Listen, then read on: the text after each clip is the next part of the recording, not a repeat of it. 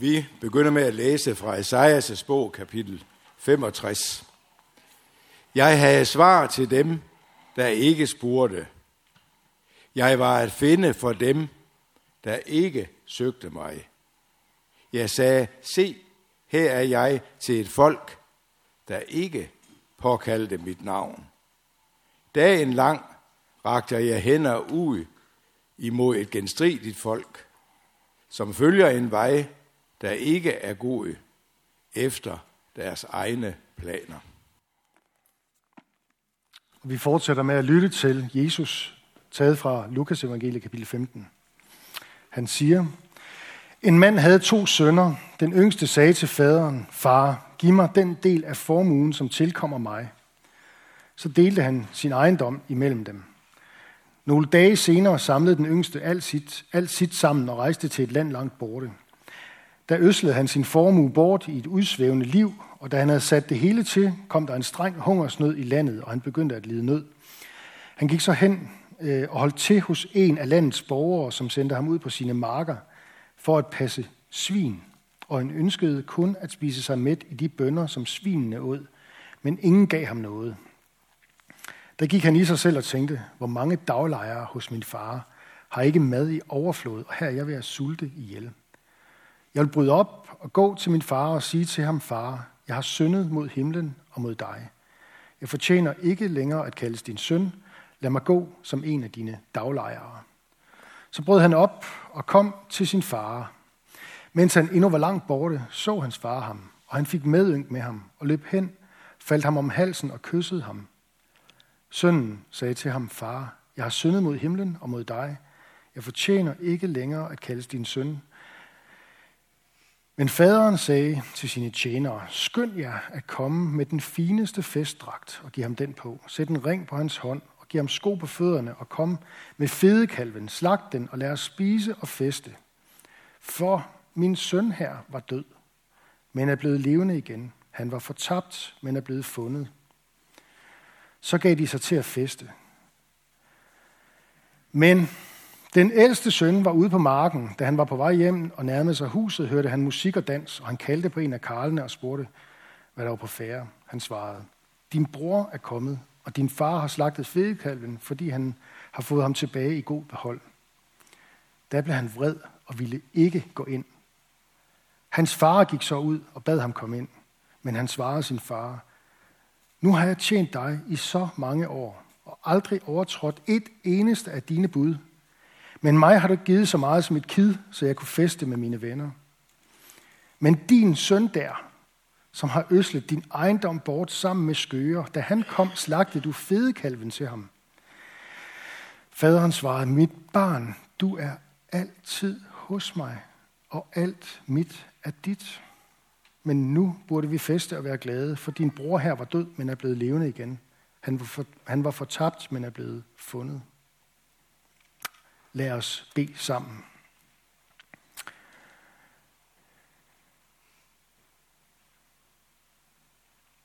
God Gud, vi beder dig om, at du vil plante det her budskab fra Jesus i vores hjerter i dag, så vi tager imod det og glæder os over, hvad det vil sige at være kristne. Glæder os over, hvem du er, Jesus. Amen. Ja, det er noget af en dysfunktionel familie her, ikke også? Den ene, han øh, erklærer ligesom sin far for død. Det er jo virkelig det, der ligger i det. Jeg vil gerne have min arv. Det er sådan en mellemøstlig jødisk måde at sige til sin far, du er død for mig. Stik mig pengene. Altså, for at få en arv, er der jo nogen, der skal være døde, ikke? Så øh, det er en øh, meget, meget uhøflig måde at optræde på. Og så har, man så, så har vi så i den sidste ende den anden søn, som, øh, som da han er op, og da han skælder ud på, og hvorfor han ikke går ind, men står og surmuler et eller andet sted ude ved et hegn ude på en mark, øh, og faren går ud til ham, så, så siger han ikke noget om min bror. Han siger, din søn der. Altså, det ligger sådan meget stærkt i teksten, at øh, der, er virkelig, der er virkelig krig på kniven, også? Der er, der, er, der er gang i den her. Men lad os lige starte et andet sted. Altså i den uge, der er gået, der er det sådan, at øh, der har vi hørt en del om herværk imod mindesmærker og statuer, der er blevet revet ned, eller overhældt med maling, eller hvad det nu er forsøgt Øh, selv sådan Winston Churchill og Gandhi og sådan nogle øh, typer der, de er ligesom, øh, de er ikke helt i synk altså de, med tidsånden. Så øh, det er ikke så godt for dem jo. De er blevet overhældt med maling. Og det giver sig selv, at det er et forholdsvis stort arbejde at slet erindringen om folk, som for nogle hundrede år siden øh, ikke levede op til de normer, som vi nu har i dag. Men det bliver de altså meget, meget stærkt øh, fordømt for. Og man er, de her demonstranter, der er rundt omkring, er temmelig nådesløse overfor, overfor de generationer og de mennesker i fortiden, som I måske har haft rent faktisk nogle forkerte tanker omkring race og så videre, men også har gjort noget godt. Altså jeg mener Winston Churchill. Come on, altså. Øh, vi havde nok ikke rigtig, vi havde alle sammen talt tysk, hvis ikke, og så videre, ikke også? I ved, hvad jeg mener. Ja. Altså, øh, han skal da have en status, selvfølgelig skal han det, og så videre. Ikke? Men, men altså, man vil kun mindes dem, der lever op til, deres, til, til demonstranternes egne normer. Øh, uanset hvad de ellers har udrettet af godt, øh, så er det sådan, at øh, nu smider vi dem og deres livshistorie i havnen. Ikke? Eller overhaler dem med maling. Øh, det er sådan den reaktion, der er lige for tiden. Øh, I beretningen, som vi lytter til her fra Jesus, øh, der ser vi en noget anderledes reaktion, kan man sige, over for sønderen, der har trådt ved siden af. Sønnen, der siger til sin far, du er død for mig. Jeg vil gerne have arven udbetalt. Øhm, det er jo, da han så endelig vender om, ikke fordømmelse, han møder. Han får ikke maling i hovedet. Han bliver ikke sådan væltet om kul. Øh, eller får den store pegefinger. Han møder en far, der kommer løbende ham i møde. Og måske er det derfor, at den her lignelse er blevet så kendt og elsket. Det er en af de mest berømte lignelser, Jesus har fortalt. Som sagt, så har bibeloversætterne, bibeloversætterne valgt at kalde den for lignelsen om den fortabte søn. Øhm, nu er det så ikke øh, det, Jesus, det, det er noget, man har sat på senere, altså i 1992, da vi fik den her oversættelse. Det er ikke noget, Jesus kalder den. Jesus, han kalder den selv, hvis vi skal give den en overskrift, en mand havde to sønner. Sådan starter den. Og jeg tror faktisk, det er vigtigt at lige at blive der. De fleste af os, der har hørt den her nogle gange, vi ved godt, at fokus ender ofte der på den første søn, ham der den, den der type der, der lever et udsvævende liv og alt det der. Men det handler altså om en mand, der havde to sønner. Og som alle lignelser, Jesus fortæller, handler det om Guds rige. Og manden er jo meget, meget tydeligt her et billede på, hvem Gud er. Og hvordan Gud tager imod og hvad Gud kræver for at fordele hans rige. Mit barn, du er altid hos mig, og alt mit er dit. Det er jo sådan set det, den besked, som både den unge, yngste søn får at vide, da han kommer hjem igen og har omvendt sig, ved at han får en ring på fingeren, ved at han får nyt, nyt tøj, frem med fedekalven, nu skal der være fest. Min søn var død, men er blevet levende. Men det er også det, den ældste søn får. Han får det jo direkte at vide af faren. Mit barn, du er altid hos mig, og alt mit er dit. Det får vi at vide på to forskellige måder i den her lignelse, som Jesus siger, der handler om en mand med to sønner. Man kan sige, at de her to sønner illustrerer måske de forskellige veje, vi mennesker går igennem livet for at finde øh, mål og mening eller glæde og tilfredsstillelse. Lillebroren igennem det, det er sådan forholdsvis vilde liv. Giv mig arven. Nu skal der festes. Han lever derudad. Øh, men pludselig er der ikke flere penge. Øh, og ikke nok med det. Pludselig så bliver hans, øh, hans hjerte tungt af sorg eller savn. Han angrer simpelthen det her gamle ord. Han fortryder og vender om på vejen igennem livet, og så går han hjem igen imod sin far. Hjem der, hvor han kom fra, hvor han hører til, sin slægt, sin familie. Og bliver til sin overraskelse modtaget med, med åbne arme. Og så er der storebroren, ham der går og putter sig derhjemme.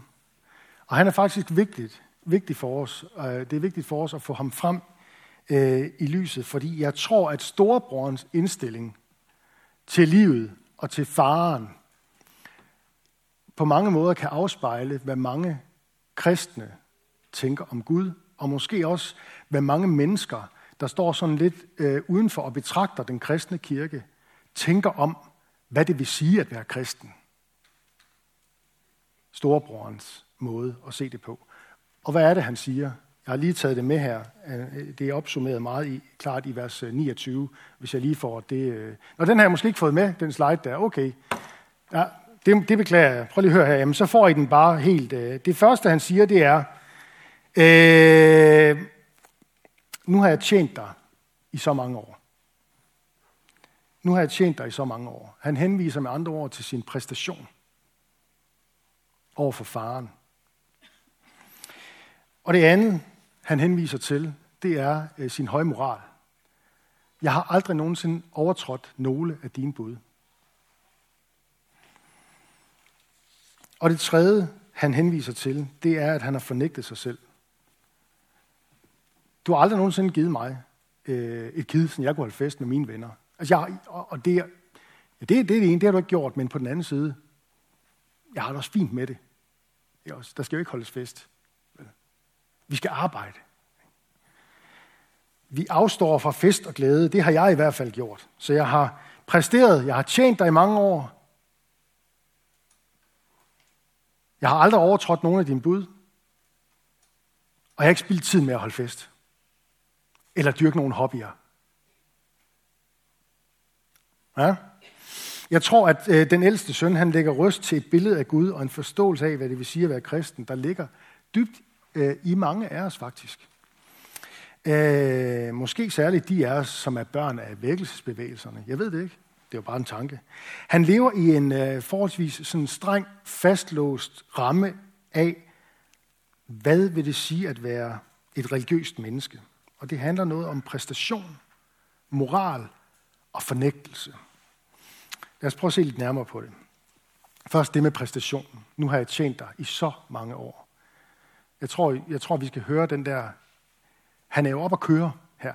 Han har ligesom vendt ryggen til festen og løbet hen over en eller anden mark og står ude ved et hegn, og så kommer faren efter ham. Og så står han her. Nu har jeg tjent dig i så mange år.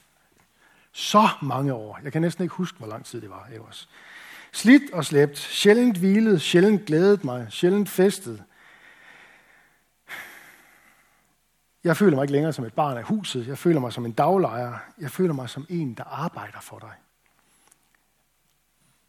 Og som sagt, det handler om Guds rige og Gud.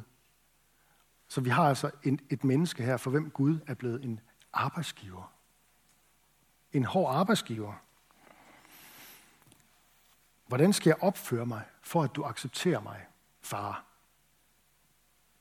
Hvordan skal jeg opføre mig, for at du accepterer mig, Gud?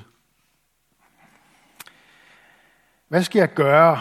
Mit forhold til Gud er blevet afhængig af, hvad jeg kan leve op til. Jeg forventer måske dybest set ikke at finde hvile, for Gud er blevet en form for arbejdsgiver, en jeg skal gøre noget for, eller sagt med andre ord, en der tvinger mig til at elske på en bestemt måde. Jeg mødte for øh, 20 år siden, da jeg arbejdede på en bibelskole, to kvinder, der havde været på et, øh, et havde været en del af et kristent øh, nonnekloster, eller søster, en søster kloster hedder det vist, nede i Tyskland, Darmstadt. Øh, måske er der nogen af jer, hvis I er, er vokset op i 80'erne og 90'erne i kristen sammenhæng, der kan huske moder Basilea Slink. Hun lavede sådan nogle, øh, det var før, hun lavede sådan, det, hun var datidens svar på Instagram, ikke også? Hun lavede sådan nogle små øh, fyndord og, og sådan nogle fortolkninger af bibelvers, som hang rundt alle mulige steder. Øh, jeg tror en dag, at der er et ord af hende på et af stenene, hvis man går den der smukke rute ud på Helikors Kloster, som jeg vil opfordre jer til at tage her til sommer. Der kan man gå sådan en dejlig rute og stoppe op og sætte sig ned og nyde naturen og bede en bøn. Og jeg tror, der er et ord af hende derude også. Det var jo alt, ikke også? De her to kvinder, øh, dem havde vi så inde, i, inde øh, på øh, Bibelskolen og fortælle om deres øh, liv der på klosteret. Og det interessante var, at, at øh, de havde de var kommet dertil med en forventning om at møde Gud, og det, de mødte, det var et billede af Gud som en streng arbejdsgiver. Gud som en, de skulle elske stærkt, elske hårdt. Det handlede ikke så meget om, at Gud øh, elskede dem.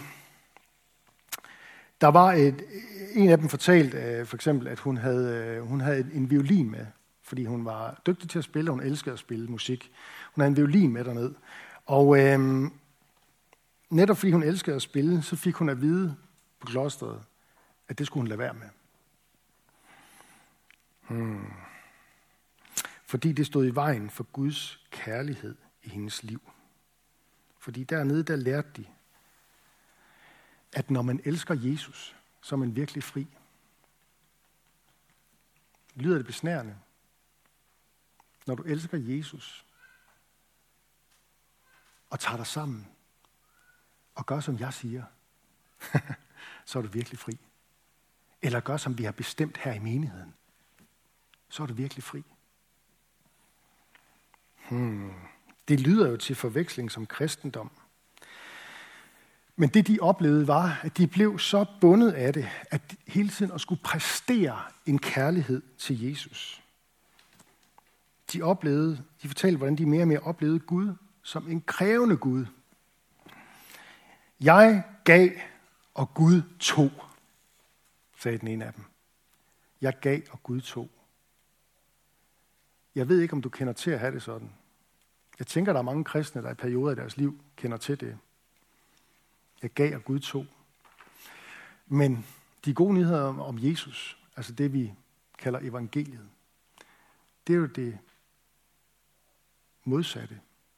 Gud giver, og du tager imod. Hmm.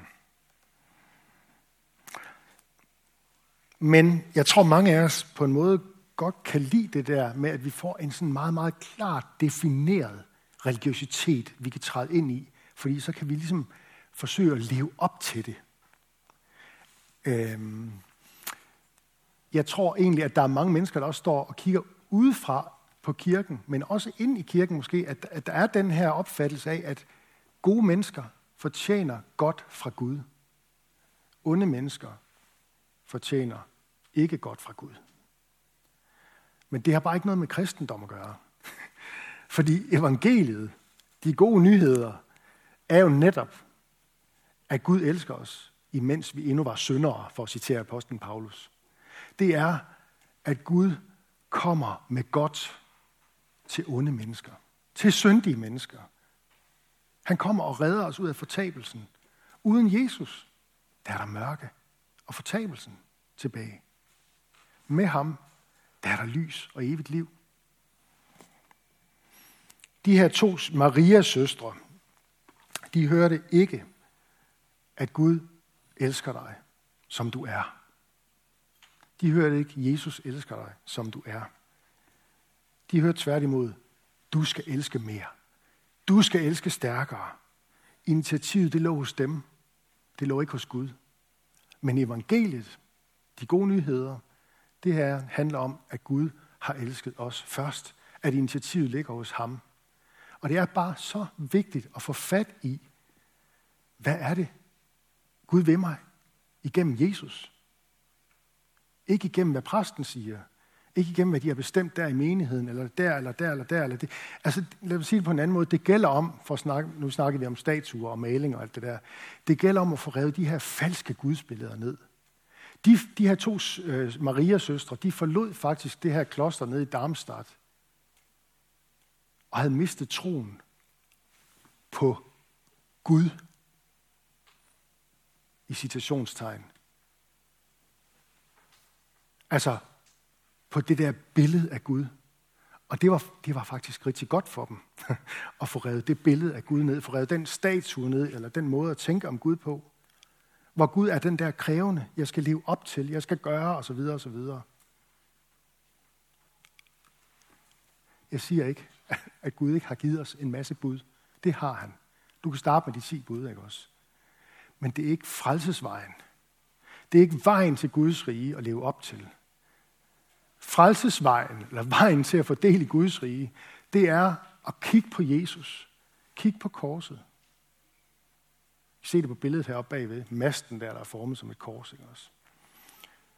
Og træng ind i det mysterium, at Gud i skikkelse af Jesus har gjort alt, hvad der skal til, for at du kan være Guds barn. Mit barn. Du er altid hos mig, og alt mit er dit. På grund af Jesus. Kun på grund af Jesus. Det er evangeliet.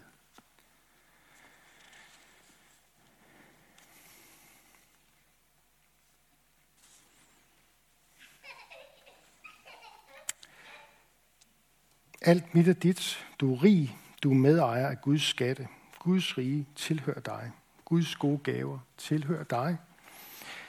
Vi taler altså om et totalt andet livsgrundlag end menneskelig anseelse eller, eller, eller det med at kende de rigtige svar. Der, hvor Jesus kommer til, der vil et menneske vende om og begive sig i retning mod sin himmelske far. Og der vil et menneske, der hvor Jesus kommer til, høre den himmelske, sin himmelske far, vores himmelske far sige, når vi står der og kommer til Gud med vores præstation, vores høje moral, vores selvfornægtelse, så siger jeg, Gud, det er fint nok, men jeg kan faktisk ikke rigtig bruge det til noget, fordi du er mit barn. Det er mig, der har skabt dig.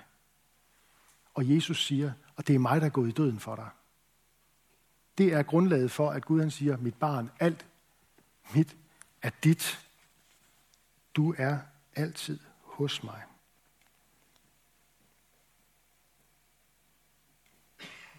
Lad os bede sammen.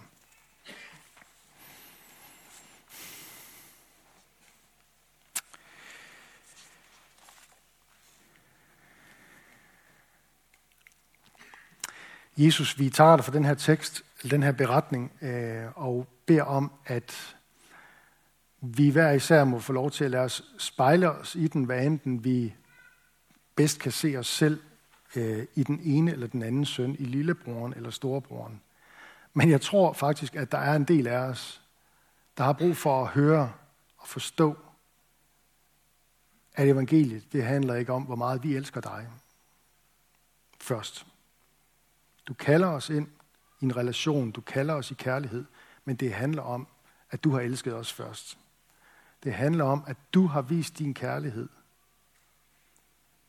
ved at sende din søn til verden, mens vi var vendt væk fra dig på afveje, mens vi stod med armene over kors og krævede, øh, at nu må Gud elske os, fordi vi har gjort sådan og sådan, og vi har levet op til sådan og sådan, der har du bare styret helt udenom. Sendt din søn til verden. Han er gået i døden for os. Han har levet det liv, vi ikke kan leve. Han har lidt den død, vi skulle have lidt. Fordi vi ikke lever op til din bud. Men det er netop evangeliet. Det er netop de gode nyheder. At Jesus, du har gjort alt, hvad der skal til, for at vi kan være Guds børn, og det takker vi dig for. Vi takker dig for menigheden her, for fællesskabet omkring Guds tjenesten, fordi vi kan mødes i frihed og stor forskellighed og tilbe dig.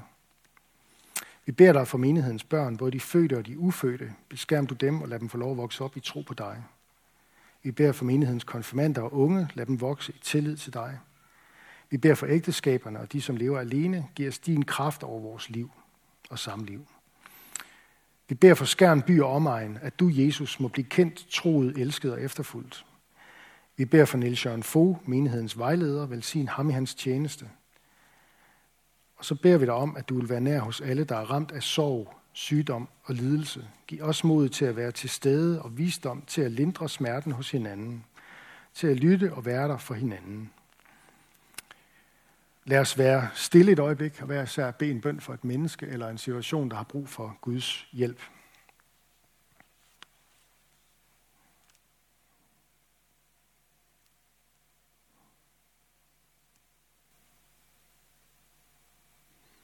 beder for den kristne kirke ud over jorden, særligt dem, som lever i verdens brandpunkter og forfølges for dit navns skyld. Giv dem frimodighed og styrk dem i troen og håbet. Vi beder om, at evangeliets lys må skinne blandt muslimer, så de omvender sig og lærer dig at kende som den eneste sande Gud. Vi beder om, at den tid snart må komme, hvor de jødiske folk må se dig som Messias og omvende sig i glæde. Vi beder om, at evangeliet er der må få fremgang i Danmark. Vend vores hjerter og vort folks hjerte til dig. Vi bekender vores medansvar for kirkens og folkets forfald. Vi bekender vores mangel på tro, efterfølgelse og kærlighed. Vi beder for alle, der er blevet betroet magt og autoritet. Hjælp dem og os til at værne hinanden mod uret og vold. Og kom så snart, Jesus, i magt og herlighed, og gør alting nyt. Det ser vi frem til og glæder os til. Amen.